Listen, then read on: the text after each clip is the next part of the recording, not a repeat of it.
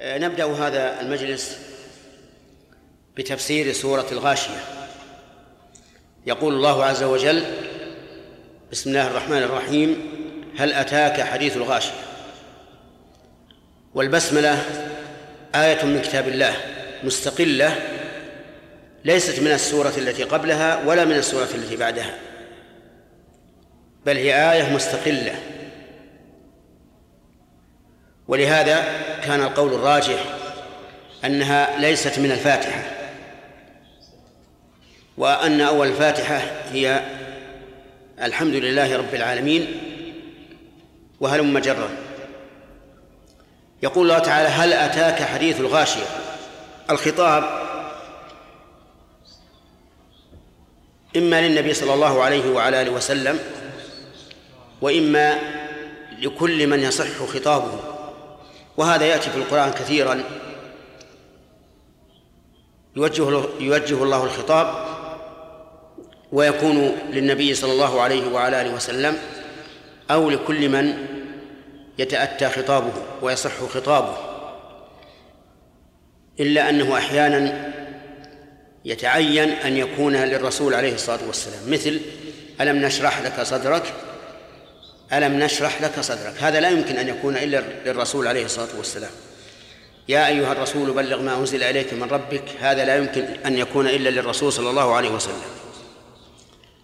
وأحيانا يترجح العموم مثل يا أيها النبي إذا طلقتم النساء فهذا أول الخطاب للنبي عليه الصلاة والسلام وآخره إذا طلقتم عام. فقوله هل أتاك حديث الغاشية؟ يجوز أن يكون الخطاب موجها للرسول صلى الله عليه وعلى آله وسلم وحده وأمته تبع له ويجوز أن يكون عاما لكل من يتأتى خطابه. والاستفهام هنا للتشويق فهو كقوله تعالى يا أيها الذين آمنوا هل أدلكم على تجارة تنجيكم من عذاب أليم؟ ويجوز أن يكون للتعظيم لعظم هذا الحديث عن الغاشية. حديث الغاشية أي, نبأها والغاشية هي الداهية العظيمة التي تغشى الناس وهي يوم القيامة التي تحدث الله عنها في القرآن كثيرا ووصفها بأوصاف عظيمة.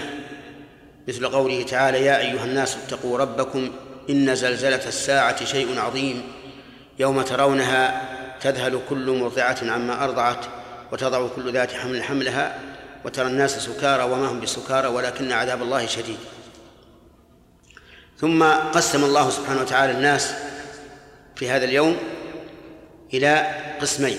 فقال وجوه يومئذ خاشعة عاملة ناصبة. خاشعة أي ذليلة. كما قال الله تعالى وتراهم يعرضون عليها خاشعين من الذل ينظرون من طرف خفي. فمعنى خاشعة يعني ذليلة. ناصب عاملة ناصبة. عاملة عملا يكون به النصب وهو التعب. قال العلماء وذلك أنهم يكلفون يوم القيامة بجر السلاسل والأغلال والخوض في نار جهنم والعياذ بالله كما يخوض الرجل في الوحل. فهي عاملة تعبة من من العمل الذي تكلف به يوم القيامة لأنه عمل عذاب وعقاب نسأل الله العافية. وليس كما قال بعض الناس إن المراد بها الكفار الذين ضل سعيهم في الحياة الدنيا وهم يحسبون أنهم يحسنون الصنعة وذلك لأن الله قيد هذا بقول وجوه يومئذ أي يومئذ تأتي الغاشية وهذا لا يكون إلا يوم القيامة. إذن فهي عاملة ناصبة بما تكلف به من جر السلاسل والأغلال والخوض في نار جهنم أعاذنا الله وإياكم منها. تصلى نارا حامية أي تدخل في نار جهنم والعياذ بالله. النار الحامية التي بلغت من من حموها أنها فضلت على نار جهنم على نار الدنيا أنها فضلت على نار الدنيا. بتسعة وستين جزءا. يعني نار الدنيا كلها بما فيها من من أشد ما يكون من الحرارة نار جهنم أشد منها بتسعة وستين جزءا. ويدلك على شدة حرارتها أن هذه الشمس آه، حرارتها تصل إلينا مع بعد ما بيننا وبينها. ومع أنها تنفذ من خلال أجواء أجواء باردة غاية البرودة. يصل إلى تصل إلينا هذه الحرارة التي تدركونها ولا سيما في أيام الصيف. فالنار أعاذنا الله وإياكم منها نار حامية تسقى من عين آنية ليس لهم طعام إلا من ضريع. لما بين مكانهم والعياذ بالله وأنهم في نار جهنم الحامية بين طعامهم وشرابهم. فقال تسقى أي هذه الوجوه من عين آنية أي شديدة الحرارة. هذا بالنسبة لشرابهم ومع هذا لا يأتي هذا الشراب بكل سهولة أو كلما عطشوا سقوا لا. إنما يؤتون كلما اشتد عطشهم والعياذ بالله واستغاثوا. كما قال تعالى وإن يستغيثوا يغاثوا بماء كالمهل يشوي الوجوه بئس الشراب. هذا الماء إذا قرب من وجوههم شواها وتساقط لحمها. وإذا دخل في أجواف في أجوافهم يقول عز وجل وسقوا ماء حميما فقطع أمعاءهم. إذا لا يستفيدون منه لا ظاهرا ولا باطنا لا ظاهرا بالبرودة يبرد الوجوه ولا باطنا بالري ولكنهم والعياذ بالله يغاثون بهذا الماء. ولهذا قال تسقى من عين آنية. فإذا قال قائل كيف تكون هذه العين في نار جهنم؟ والعادة أن الماء يطفئ النار. أليس كذلك؟ فالجواب أن أمور الآخرة لا تقاس بأمور الدنيا. لو أنها قيست بأمور الدنيا ما استطعنا أن أن نتصور كيف يكون. أليس الشمس تدنو يوم القيامة من رؤوس الناس على قدر ميل؟ والميل إما ميل المكحلة وهو نصف الإصبع أو ميل المسافة كيلو وثلث أو نحو ذلك. وحتى لو كان كذلك فإنه لو كانت الآخرة كالدنيا لشوت الناس شيئا. لكن الآخرة لا تقاس بالدنيا. أيضا يحشر الناس يوم القيامة في مكان واحد.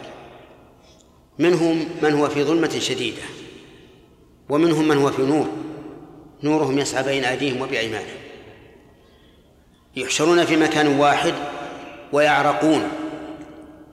منهم من يصل العرق إلى كعبيه ومنهم من يصل إلى ركبتيه ومنهم من يصل إلى حقويه ومع ذلك هم في مكان واحد. إذن أحوال الآخرة لا يجوز أن تقاس بأحوال الدنيا. فلو قال قائل كيف يكون الماء في النار؟ قلنا أولا أحوال الآخرة لا تقاس بأحوال الدنيا ثانيا أن الله على كل شيء قدير. ها نحن الآن نجد أن الشجر الأخضر توقد منه النار. كما قال تعالى الذي جعل لكم من الشجر الأخضر نارا فإذا أنتم منه توقدون. الشجر الأخضر رطب. ومع ذلك إذا ضرب بعضه ببعض أو ضرب بالزند انقدح خرج منه نار حارة يابسة وهو رطب بارد. فالله على كل شيء قدير. فهم يسقون من عين آنية في النار و, ولا يتنافى ذلك مع قدرة الله عز وجل. أما طعامهم فقال ليس لهم طعام إلا من ضريع. لا يسمن ولا يغني من جوع. الضريع قالوا إنه شجر ذو شوك عظيم. إذا يبس لا يرعاه ولا البهائم. وإن كان أخضر رعته الإبل. ويسمى عندنا الشبرك هذا الضريع. هو شجر ذو شوك. إذا يبس ما لا يرعى لأنه شوك. وإذا كان أخضر ترعاه الإبل. هم والعياذ بالله في نار جهنم ليس لهم طعام إلا من هذا الضريع. ولكن لا تظنوا أن الضريع الذي في نار جهنم كالضريع الذي في الدنيا. يختلف عنه اختلافا عظيما. ولهذا قال لا يسمن فلا ينفع الأبدان في ظاهرها ولا يغني من جوع فلا ينفعها في باطنها فهو لا خير فيه. ليس فيه إلا الشوك والتجرع العظيم والمرارة والرائحة المنتنة التي لا تستفيدون منها شيئا. ثم ذكر الله عز وجل القسم الثاني من أقسام الناس في يوم الغاشية فقال ووجوه يومئذ ناعمة وجوه يومئذ ناعمة إلى آخره. وسنذكرها إن شاء الله في الجلسة القادمة. نسأل الله تعالى أن يعيذنا وإياكم من النار وأن يرزقنا وإياكم دار القرار إنه على كل شيء قدير. أما بعد فهذا هو اللقاء لقاء الباب المفتوح الموفي للستين لقاء من ابتدائه وهو اللقاء الثاني من شهر المحرم عام أربعة عشر عام خمسة عشر وأربعمائة وألف وهو اليوم السابع من الشهر. في هذا اللقاء نتكلم على قول الله تبارك وتعالى وجوه يومئذ ناعمة. على قول الله تعالى ووجوه يومئذ ناعمة. وجوه يومئذ ناعمة. وجوه يومئذ ناعمة لسعيها راضية في جنة عالية. لا تسمع فيها لاغية إلى آخره. قسم الله سبحانه وتعالى الناس يوم القيامة إلى قسمين. القسم الأول وجوه عاملة خاشعة ناصبة.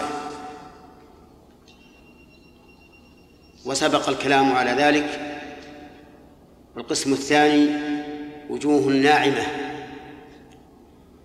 أي ناعمة بما أعطاه الله عز وجل من السرور والثواب الجزيل لأنها علمت ذلك وهي في قبورها. فإن الإنسان في قبره ينعم يفتح له باب إلى الجنة فيأتيه من روحها ونعيمها. فهي ناعمة لسعيها راضية. أي لعملها الذي عملته في الدنيا راضية لأنها وصلت وصلت به إلى هذا النعيم وهذا السرور وهذا الفرح. فهي راضية لسعيها بخلاف الوجوه الأولى فإنها غاضبة والعياذ بالله غير غير راضية على ما قدمت. في جنة عالية الجنة هي دار النعيم التي أعدها الله عز وجل لأوليائه يوم القيامة. فيها ما لا عين رأت ولا أذن سمعت ولا خطر على قلب بشر. قال الله تبارك وتعالى فلا تعلم نفس ما أخفي لهم من قرة أعين جزاء بما كانوا يعملون. وقال الله تبارك وتعالى قد أفلح المؤمنون الذين هم في صلاتهم خاشعون والذين هم للزكاة فاعلون. إلى قوله أولئك هم الوارثون الذين يرثون الفردوس وهم فيها خالدون. وقال الله تعالى وفيها ما تشتهيه الأنفس وتلذ الأعين وأنتم فيها خالدون. فهم في جنة عالية العلو ضد السفول فهي فوق السماوات السبع. ومن المعلوم أنه في يوم القيامة تزول السماوات السبع والأرضون. ولا يبقى إلا الجنة والنار فهي عالية وأعلاها ووسطها الفردوس الذي فوقه عرش الرب جل وعلا. لا تسمع فيها لاغية أي لا تسمع في هذه الجنة قولة لاغية أو نفسا لاغية بل كل ما فيها جد كل ما فيها سلام كل ما فيها تسبيح تحميد تهليل تكبير يلهمون التسبيح كما يلهمون النفس أي أنه لا يشق عليهم ولا يتأثرون به فهم دائما في ذكر الله عز وجل وتسبيح وأنس وسرور يأتي بعضهم إلى بعض يزور بعضهم بعضا في حبور لا لا نظير له نسأل الله أن يجعلنا وإياكم من أهلها.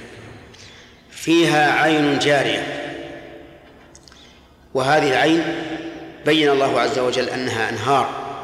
فيها أنهار من ماء غير آسن وأنهار من لبن لم يتغير طعمه وأنهار من خمر لذة للشاربين وأنهار من عسل مصفى. جارية أي تجري حيث أراد أهلها. لا تحتاج إلى حفر ساقية ولا إقامة أخدود. كما قال ابن القيم رحمه الله أنهارها في غير أخدود جرت سبحان ممسكها عن الفيضان. فيها سرور مرفوعة وأكواب موضوعة ونمارق مصفوفة وزرابي مبثوثة. انظر للتقابل فيها سرور مرفوعة عالية يجلسون عليها يتفكهون. هم وأزواجهم في ظلال على الأرائك متكئون. وأكواب موضوعة الأكواب جمع كوب وهو الكأس ونحوه. موضوعة يعني ليست مرفوعة عنهم بل هي موضوعة لهم متى شاءوا شربوا فيها من هذه الأنهار الأربعة التي سبق ذكرها. ونمارق مصفوفة وزرابي مبثوثة. النمارق جمع نمرقة وهي الوسادة أو ما يتكأ عليه مصفوفة على أحسن وجه تلتذ العين بها قبل أن يلتذ البدن بالاتكاء إليها.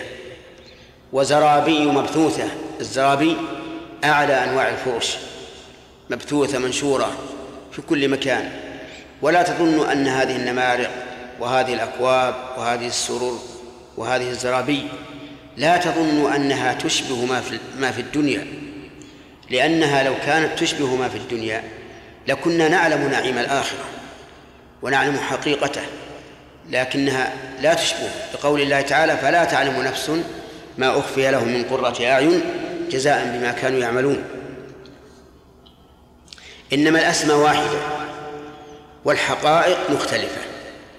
ولهذا قال ابن عباس رضي الله عنهما ليس في الآخرة مما في الدنيا إلا الأسماء فقط. فنحن لا نعلم حقيقة هذه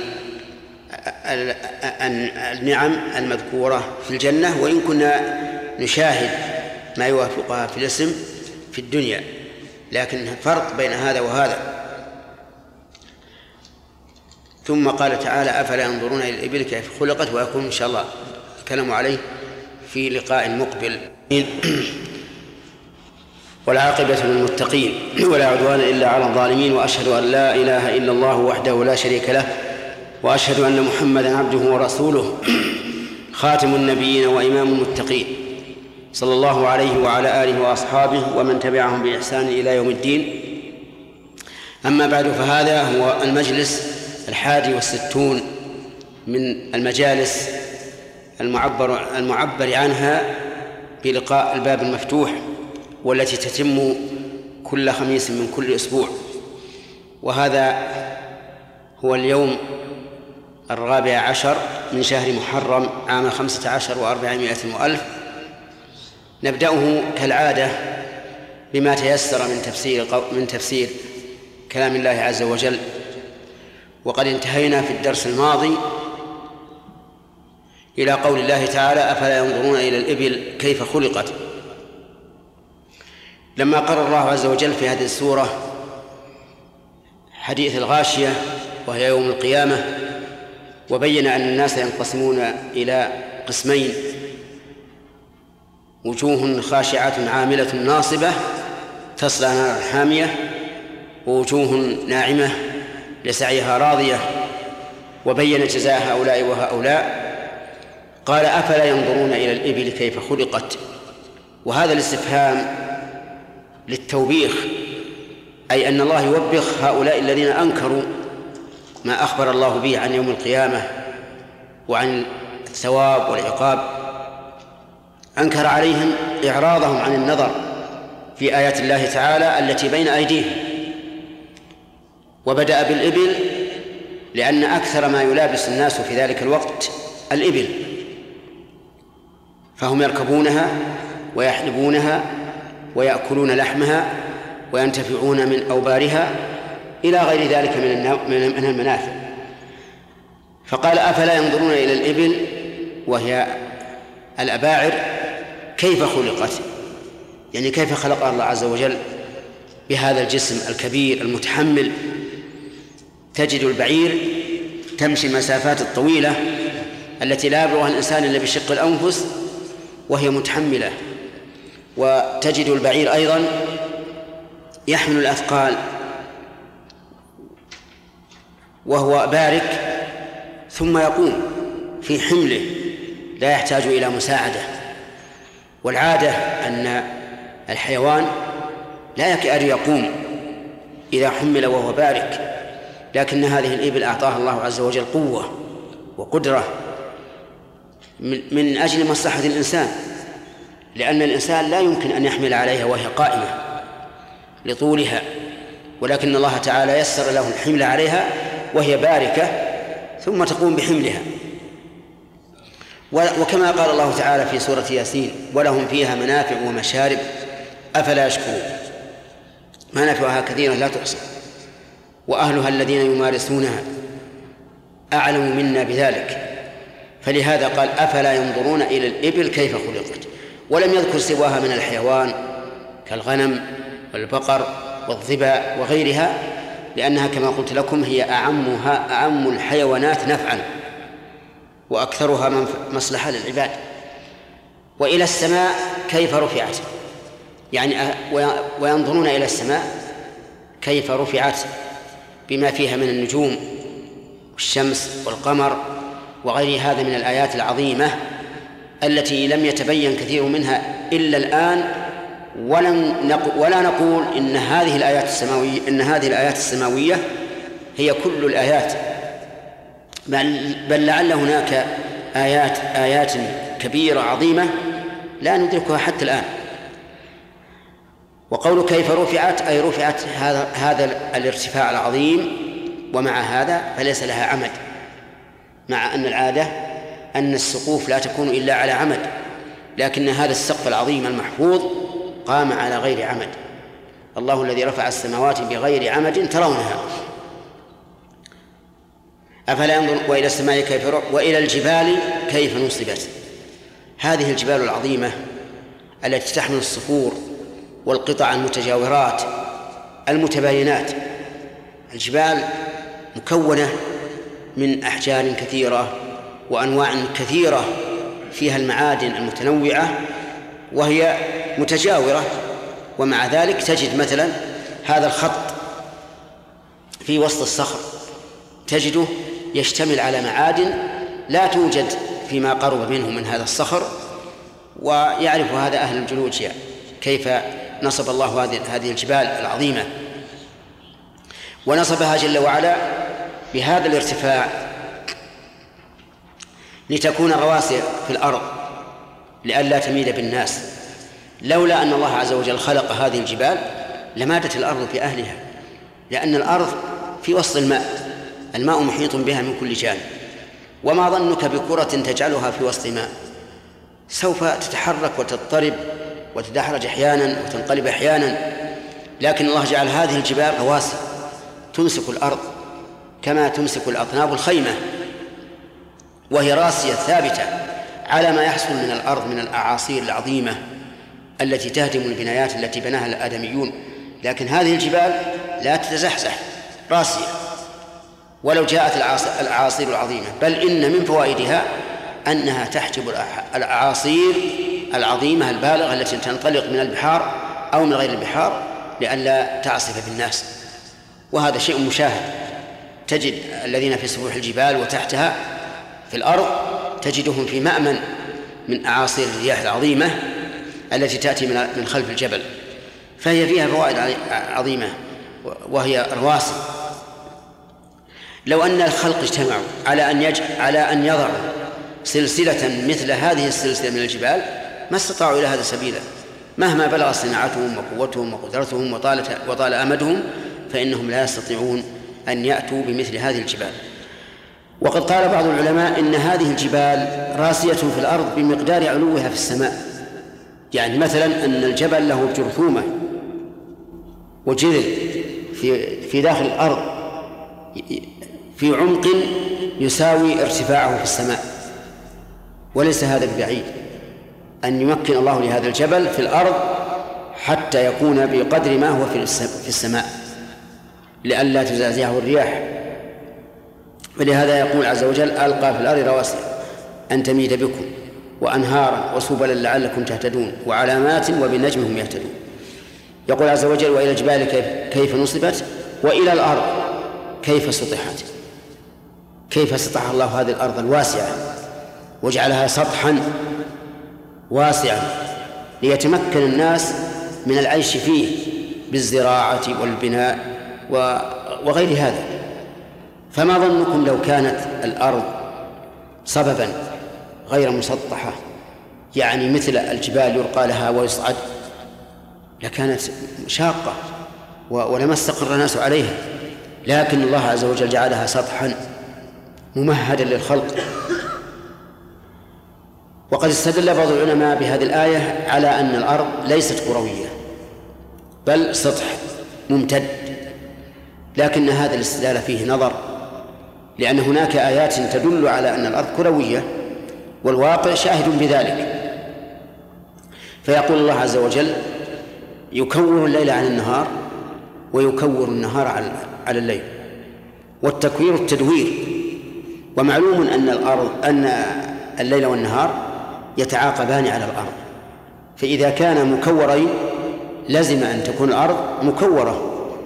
وقال الله تبارك وتعالى إذا السماء انشقت وأذنت لربها وحقت وإذا الأرض مدت وألقت ما فيها وتخلت. فقال وإذا وإلى الأرض مدت.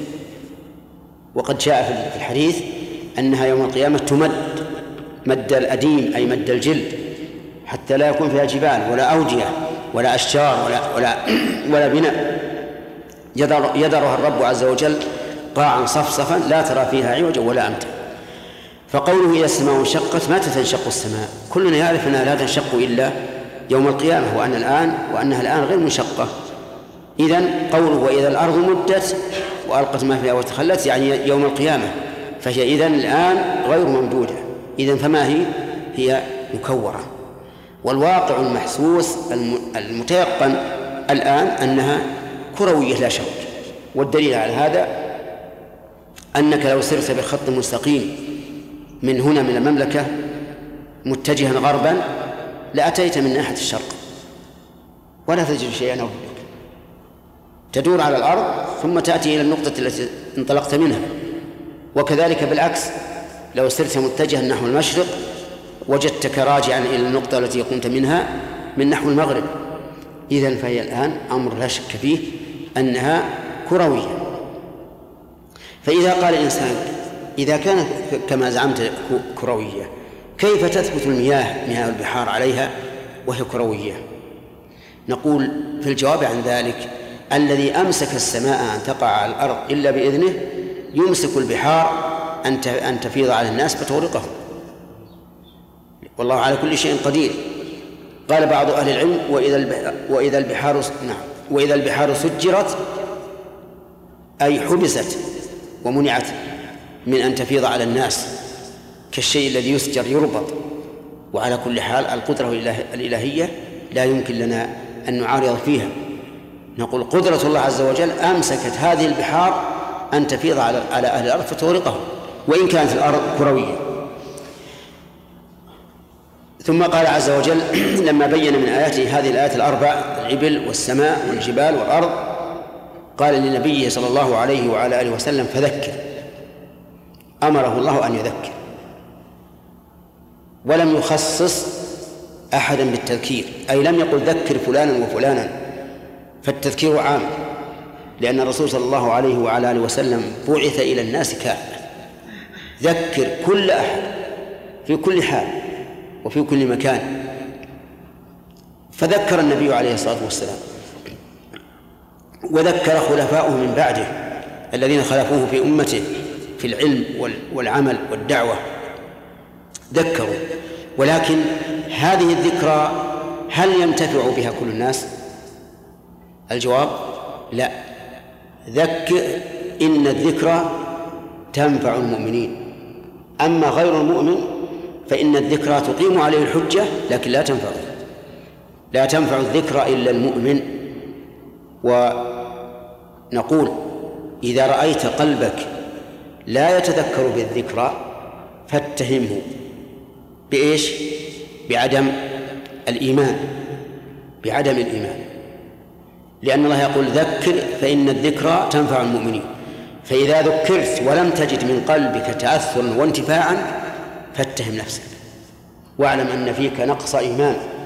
لأنه لو كان إيمانك كاملا لانتفعت بالذكرى. لا بد أن تنفع المؤمن. إنما أنت مذكر يعني أن محمد عليه الصلاة والسلام ليس إلا مذكرا مبلغا. وأما الهداية فبيد من؟ بيد الله. ليس عليك هداهم ولكن الله يهدي من يشاء. وقد قام صلى الله عليه وعلى آله وسلم بالذكرى والتذكير إلى آخر رمق في حياته. حتى إنه في آخر حياته يقول الصلاة الصلاة وما ملكت ايمانكم حتى جعل يغرغر بها عليه الصلاة والسلام. فذكر صلوات الله صلوات الله وسلامه عليه منذ بعث وقيل له قم فأنذر إلى أن توفاه الله. لم يأل جهدا في التذكير في كل موقع في كل زمان على ما أصابه من الأذى من قومه ومن غير قومه. والذي قرأ منكم التاريخ السيرة النبوية يعرف ما جرى له من أهل مكة من قومه الذين هم أقرب الناس إليه والذين كانوا يعرفونه ويسمونه بالأمين يلقبونه بذلك ويثقون به حتى حكموه في وضع الحجر الأسود في الكعبة حينما هدموا الكعبة ووصلوا إلى حد الحجر قالوا من ينصب الحجر؟ فتنازعوا بينهم. كل قبيلة تقول نحن الذين نتولى وضع الحجر في مكانه. حتى جاء النبي صلى الله عليه وعلى آله وسلم وحكموه فيما بينهم. وأمر أن يوضع رداء وأن تمسك كل كل طائفة من هذه القبيلة أن أن يمسك كل واحد من هذه القبائل بطرف من هذا الرداء حتى يرفعوه فإذا حاذوا محله أخذه هو بيده الكريمة ونصبه في مكانه. فكانوا يسمونه الأمين لكن لما أكرمه الله تعالى بالنبوة انقلبت المعايير فصاروا يقولون إنه ساحر وكاهن وشاعر ومجنون. وكذاب ورموه بكل سب. فالرسول عليه الصلاة والسلام يذكر وليس عليه إلا التذكير. ومن هنا نأخذ أننا نحن ليس لا يجب علينا أن نهدي الخلق ولا يمكننا أن نهدي الخلق. ابدا لا يمكن أن نهدي أقرب الناس إلينا. إنك لا تهدي من أحببت ولكن الله يهدي من يشاء. فلا نجزع إذا ذكرنا إنسانا ووجدناه يعاند أو يخاصم أو يقول ما عليك من أو أنا بعمل ما شئت أو ما أشبه ذلك. قال الله تعالى لنبيه لعلك باخع نفسك ألا يكونوا مؤمنين. لا تهلك نفسك إذا لم يؤمنوا. إيمانهم لهم وليس وكفرهم ليس عليك. ولهذا قال لست عليهم بمسيطر. يعني ليس لك سلطة عليه ولا سيطرة عليه لمن السلطة والسيطرة؟ لله رب العالمين. أنت عليك البلاغ بلغ عليك أن يعمل الناس بذلك لا. هذا إلى الله عز وجل. والسلطان والسيطرة لله. إلا من تولى وكفر فيعذبه الله العذاب الأكبر. قال العلماء إلا هنا بمعنى لكن. يعني أن الاستثناء في الآية منقطع. وليس بمتصل. والفرق بين المتصل والمنقطع أن المتصل يكون فيه المستثنى من جنس المستثنى منه والمنقطع يكون أجنبيا منه. فمثلا لو قلنا إنه متصل لصار معنى الآية لست عليهم بمسيطر إلا من تولى وكفر فأنت عليه مسيطر. وليس الأمر كذلك. بل المعنى لكن من تولى وكفر بعد أن ذكرته فيعذبه الله العذاب الأكبر. فمن تولى وكفر بعد أن بلغه وحي الوحي النازل على رسول الله صلى الله عليه وسلم فإنه سيعذب إلا من تولى وكفر. طيب التولي يعني الإعراض فلا يتجه للحق ولا يقبل الحق ولا يسمع الحق حتى لو سمعه بأذنه لم يسمعه بقلبه كما قال الله تعالى يا أيها الذين آمنوا أطيعوا الله ورسوله. نعم. ولا تولوا عنه وأنتم معرضون. ولا تكونوا كالذين قالوا سمعنا وهم لا يسمعون أي لا ينقادون. فهنا يقول عز وجل إلا من تولى وكفر. تولى أعرض كفر أي استكبر. ولم يقبل ما جاء به الرسول عليه الصلاة والسلام. فيعذبه الله العذاب الأكبر. يعذبه الله العذاب الأكبر يعني يوم القيامة. قال الله تعالى ولنذيقنهم من من العذاب الأدنى دون العذاب الأكبر والعذاب الأكبر يوم القيامة. وهنا قال الأكبر ولم يذكر المفضل عليه يعني لم يقل الأكبر من كذا فهو قد بلغ الغاية في الكبر والمشقة والإهانة والعياذ بالله. كل من تولى وكفر فإن الله يعذبه العذاب الأكبر. هل هناك عذاب أصغر؟ نقول نعم في عذاب أصغر في الدنيا. قد يبتلى المتولي المعرض بأمراض في بدنه في عقله في أهله في ماله في مجتمعه. وكل هذا بالنسبة لعذاب النار عذاب أصغر. لكن العذاب الأكبر إنما يكون يوم القيامة. ولهذا قال بعدها إن إلينا إيابهم ثم إن علينا حسابهم. يعني إلينا إيابهم أي مرجعهم. فالرجوع إلى الله. مهما فر الإنسان فإنه راجع إلى ربه عز وجل. لو طالت به الحياة. راجع إلى الله. ولهذا قال تعالى يا أيها الإنسان إنك كادح إلى ربك كدحا فملاقيه. استعد يا أخي لهذه الملاقاة. لأنك سوف تلاقي ربك. وقد قال رسول الله صلى الله عليه وعلى آله وسلم ما منكم من أحد إلا سيكلمه ربه ليس بينه وبينه ترجمان. مباشرة. بدون مترجم. يكلمه الله يوم القيامة. فينظر أيمن منه فلا يرى إلا ما قدم. وينظر أشأم منه يعني على اليسار فلا يرى إلا ما قدم. وينظر تلقاء وجهه فلا يرى إلا النار تلقاء وجهه. فاتقوا النار ولو بشق تمرة. كلنا سيخلو به ربه عز وجل يوم القيامة يقرره بذنوبه يقول فعلت كذا في يوم كذا حتى يقر. ويعترف. فإذا أقر واعترف واعترف قال الله تعالى قد سترتها عليك في الدنيا وأنا أغفرها لك اليوم. وكم من ذنوب سترها الله عز وجل. كم من ذنوب اقترفناها. لم يعلم بها أحد. ولكن الله تعالى علم بها. موقفنا من هذه الذنوب أن نستغفر الله عز وجل أن نكثر من الأعمال الصالحة المكفرة للسيئات حتى نلقى الله عز وجل ونحن على ما يرضيه سبحانه وتعالى. إن إلينا إيابهم ثم إن علينا حسابهم نحاسبهم.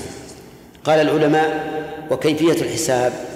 ليس مناقشة يناقش الإنسان لأنه لو يناقش هلك. لو يناقشك الله عز وجل على الحساب هلكت. أو افرض ناقشك في نعمة من النعم كالبصر. لا يمكن أن تجد أي شيء تعمله يقابل نعمة البصر. نعمة النفس. النفس الذي يخرج ويدخل بدون أي مشقة وبدون أي عناء. الإنسان يتكلم وينام ويأكل ويشرب. ومع ذلك لا يحس بالنفس. ولا يعرف قدر النفس إلا إذا أصيب بما يمنع النفس. حينئذ يذكر نعمة الله. لكن ما دام في عافية يقول هذا شيء طبيعي. لا لكن لو أنه أصيب بكتم النفس لعرف قدر النعمة فلو نوقش لهلك كما قال قال النبي عليه الصلاة والسلام لعائشة من نوقش العذاب هلك أو قال عذب. من من نوقش الحساب هلك أو قال عذب. لكن كيفية الحساب؟ أما المؤمن فإن الله تعالى يخلو به بنفسه. ليس عنده ما أحد. ويقرر بذنوبه. فعلت كذا فعلت كذا فعلت كذا حتى إذا أقر بها قال الله تعالى قد سترتها عليك في الدنيا وأنا أغفرها لك اليوم. أما الكفار فلا يحاسبون هذا الحساب لأنه ما لهم حسنات تمحو سيئاتهم لكنها تحصى عليهم أعمالهم ويقررون بها أمام العالم ويخزون بها وينادي على رؤوس الأشهاد هؤلاء الذين كذبوا على ربهم ألا لعنة الله على الظالمين؟ نعوذ بالله من الخذلان. وبهذا انتهى الكلام على هذه السورة العظيمة. وهي إحدى السورتين اللتين كان النبي صلى الله عليه وسلم يقرأ بهما في المجامع الكبيرة. فقد كان يقرأ في صلاتي العيدين سبح اسم ربك الأعلى وهل أتاك حديث الغاشي وكذلك في صلاة الجمعة. ويقرأ أحيانا في العيدين قاف والقرآن المجيد واقتربت الساعة وشق القمر. وفي الجمعة سورة الجمعة والمنافقين. ينوع مرة هذا ومرة هذا. نسأل الله سبحانه وتعالى أن يجعلنا وإياكم من من تكون وجوههم ناعمة لسعيها راضية وأن يتولانا بعنايته في الدنيا والآخرة إنه على كل شيء قدير.